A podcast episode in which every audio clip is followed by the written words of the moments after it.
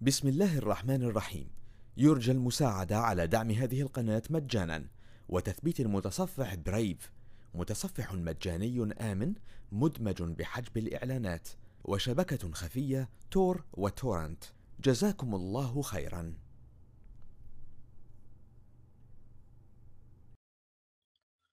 بسم الله الرحمن الرحيم. والصلاة والسلام على رسوله الأمين محمد صلى الله عليه وسلم.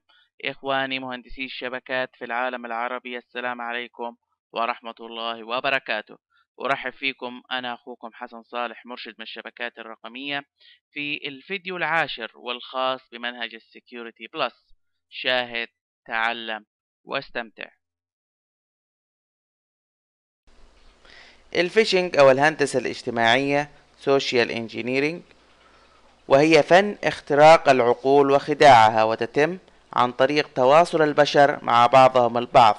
وهذه العملية تتم من خلال جزئين الجزء الأول وهو الشخص المدعي والجزء الثاني وهو الضحية حيث أن المدعي سوف يدعي كذبا أنه موظف مثلا في مكان معين أو صاحب منصب معين ويحاول إقناع الضحية بذلك لكي يتمكن من سحب معلومات سرية على موضوع معين. مثال أنت لديك حساب بنكي مثلا في البنك الإسلامي.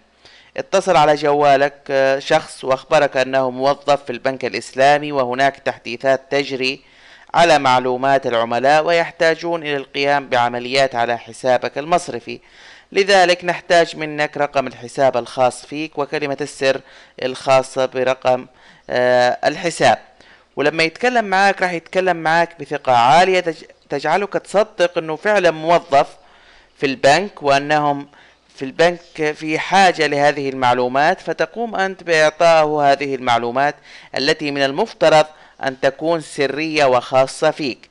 بعد يوم أو يومين من إعطائك هذه المعلومات للشخص المدعي أنه هو موظف في البنك تكتشف أن الأموال الموجودة في حسابك تم تحويلها إلى حساب آخر مما يعني تعرض الضحية للسرقة بسبب معلومات أدلى فيها.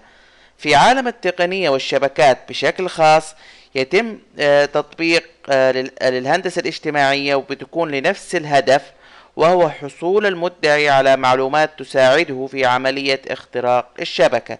فمثلا لدينا موظف يعمل في داخل شركة كبيرة وقام الشخص المدعي والذي يحاول اختراق الشبكة بالاتصال على هذا الموظف ويخبره أنه مسؤول الشبكة وأنه يوجد مشكلة في الجهاز الذي يعمل فيه الموظف وأنه في حاجة للحصول على اسم المستخدم وكلمة السر لكي يتمكن من الدخول على جهازه عن بعد وذلك لإصلاح المشاكل الموجودة في الجهاز.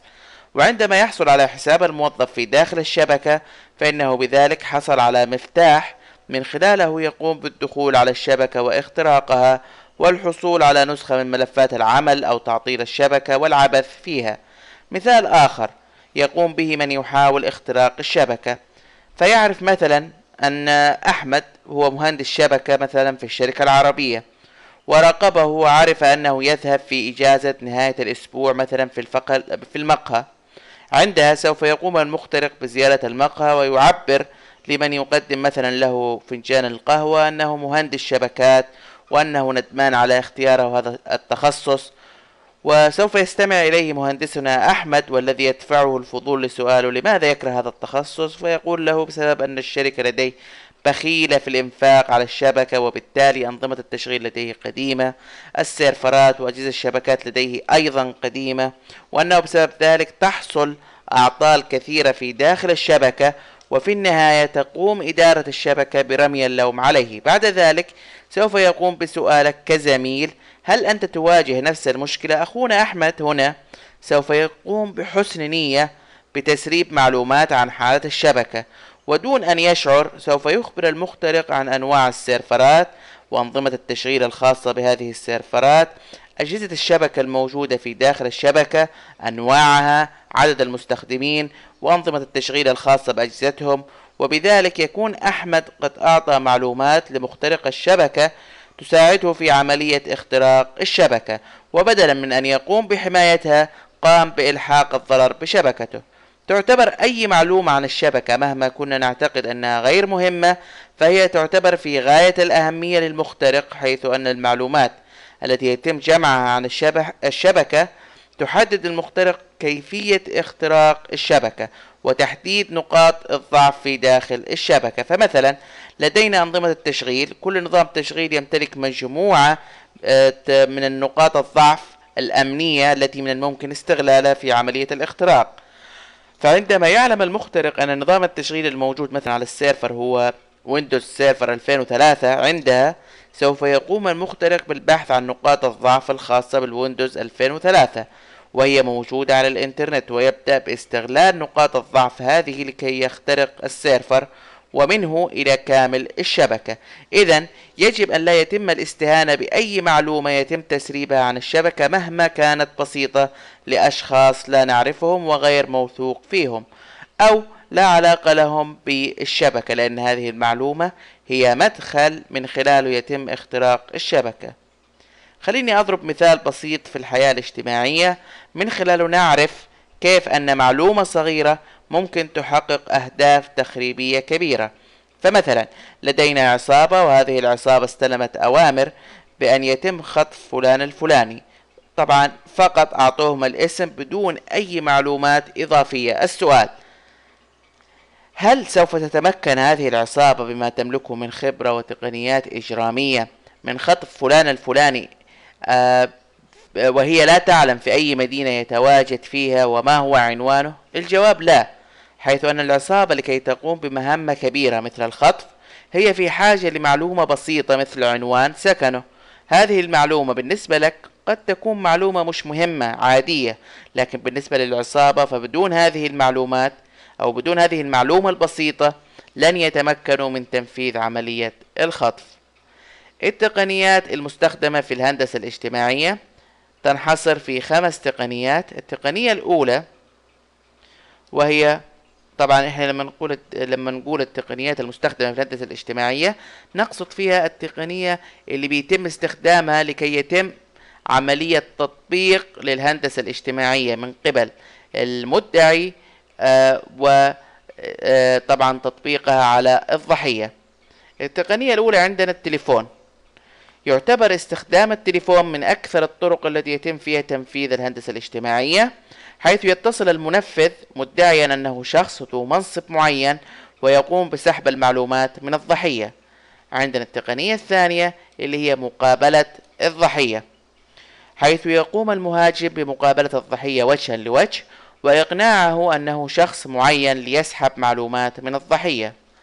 التقنية الثالثة اللي هي الهندسة الاجتماعية المعاكسة وهي معقدة قليلا ونشبهها بالمثل القائل تيجي تصيطه يصيطك حيث يقوم المدعي بإيهام الضحية أنه شخصية معينة يحتاج إليه الضحية. فيقوم الضحية بمحاولة استغلاله ولكن فعليا المهاجم هو من يقوم باستغلاله. خليني أضرب مثال عشان تكون الصورة واضحة. لدينا يوسف وأحمد وكل واحد منهما يملك شركة مقاولات ويوجد مناقصة مشروع كبير من جهة حكومية.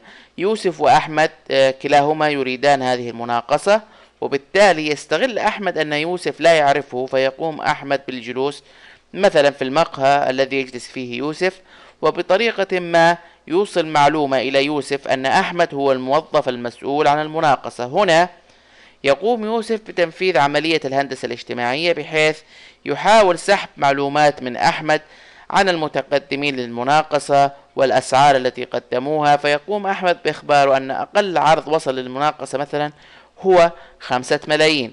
فيقوم يوسف لاحقا بتحديد مبلغ خمسة ملايين للمناقصة. ظنا منه أنه نجح في عملية الهندسة الاجتماعية وأنه سحب هذه المعلومة فقام بوضع أقل سعر اللي هو نصحه فيه اللي هو موظف اللي ادعى نفسه إنه موظف في آه، أو مسؤول في جهة المناقصة. و بينما العكس هو أنه هو من تعرض لعملية الهندسة الاجتماعية وذلك لأن أحمد قام بوضع قيمة المناقصة بأربع ملايين مثلا وتسعمائة وخمسون ألف ريال وبالتالي مقارنة بصاحبنا آه، اللي حط السعر خمسة ملايين فيكون أحمد هو اللي كسب المناقصة. التقنية الرابعة المستخدمة في الهندسة الاجتماعية اللي هي تقنية الإنترنت.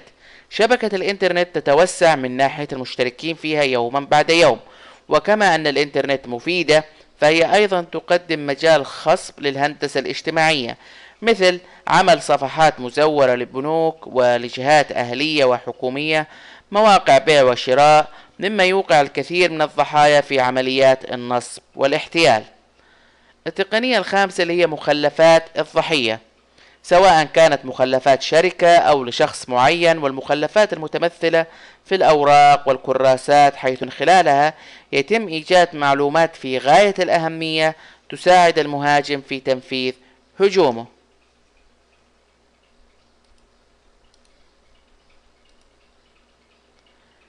عندنا هنا شخصيتين قاموا بتنفيذ عملية الهندسة الاجتماعية على مستوى عالي ونجحوا نجاح كبير في تطبيقها.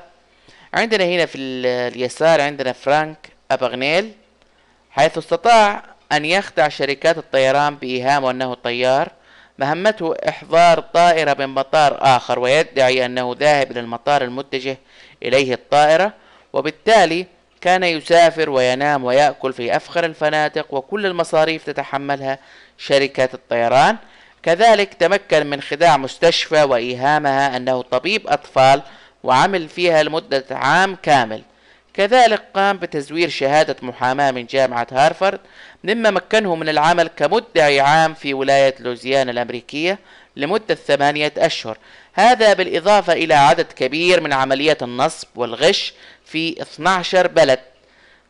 تم القبض عليه في النهاية ومعاقبته على الجرائم التي ارتكبها ومع ذلك يصنف كواحد من أنجح ممن طبقوا الهندسة الاجتماعية. عندنا هنا في اليمين ويعتبر واحد من ممن قاموا بتطبيق الهندسة الاجتماعية بنجاح وهو رفعت علي سليمان الجمال. والذي يعرف باسم رأفت الهجان وهو مواطن مصري قامت المخابرات المصرية بتدريبه وأعطته هوية مواطن مصري ولكن ديانة آه، يهودية مما جعله ينخرط في المجتمع اليهودي في الإسكندرية. وطبعا كان في وقتها عملية تهجير لليهود من مصر ومن أي مكان في حول العالم إلى آه، آه، إلى فلسطين. وطبعا بصفته كمواطن يهودي عايش في مصر فجعل وكالة الهجرة تضعه ضمن اختبارات لتتأكد من أنه فعلا يهودي ونجح في اختباراتهم وبالتالي آه، تم تهجيره إلى إسرائيل. وهناك آه، تدرج في بعض الوظائف وحتى نجح وتمكن من إنشاء شركة سياحية وتعرف على نخبة المجتمع الإسرائيلي. حيث تمكن من إقناعهم بأنه صهيوني متعصب وكاره للعرب وبهذه الطريقة تمكن من الحصول على معلومات سرية وقام بإرسالها إلى المخابرات المصرية عن طريق رسائل مشفرة وظل كذلك فترة طويلة حتى قرر أن يتوقف ويسافر إلى ألمانيا حيث توفي هناك ويعتبر ناجح في عملية الهندسة الاجتماعية لأنه استطاع أن يخترق صفوف صفوة المجتمع الإسرائيلي وكذلك جهاز المخابرات الموساد ولم يكشف أمره حيا ولكن عندما توفى, توفي آه، طبعا آه، أعلنت عنه آه، الحكومة المصرية متمثلة في المخابرات المصرية. مراقبة حركة البيانات في الشبكة. واحدة من أهم نقاط الدفاع عن الشبكة هي مراقبة الشبكة بشكل عام وتعتبر مراقبة الشبكة واحدة من مهام ووظائف مهندس ومسؤول الشبكة آه، حيث أن مراقبة الشبكة باستمرار آه، طبعا راح يؤدي إلى حمايتها وكذلك اكتشاف أي محاولة من محاولات الهجوم على الشبكة والتصدي لها قبل أن تتفشى في داخل الشبكة. واحدة من أنواع مراقبة حركة البيانات في داخل الشبكة اللي هي حركة أو مراقبة حركة البيانات في داخل الشبكة. بحيث لو كان هناك حركة بيانات مشبوهة مثل هجوم حجب الخدمة هجوم لمحاولة كسر كلمة السر عملية التقاط لحزم البيانات التي يتم نقلها في داخل الشبكة أو وجود جهاز يتجسس على الشبكة أو برنامج أو اكتشاف وجود بوابات خلفية. أو محاولات تخطي للصلاحيات وغيرها من الهجمات على الشبكة بحيث يتم اكتشافها مبكرا من قبل مهندس الشبكة مما يمكنه من التصدي للهجوم قبل أن يحقق هدفه في داخل الشبكة. يوجد مجموعة من البروتوكولات التي يتم استخدامها في مراقبة حركة البيانات في داخل الشبكة. أشهرها؟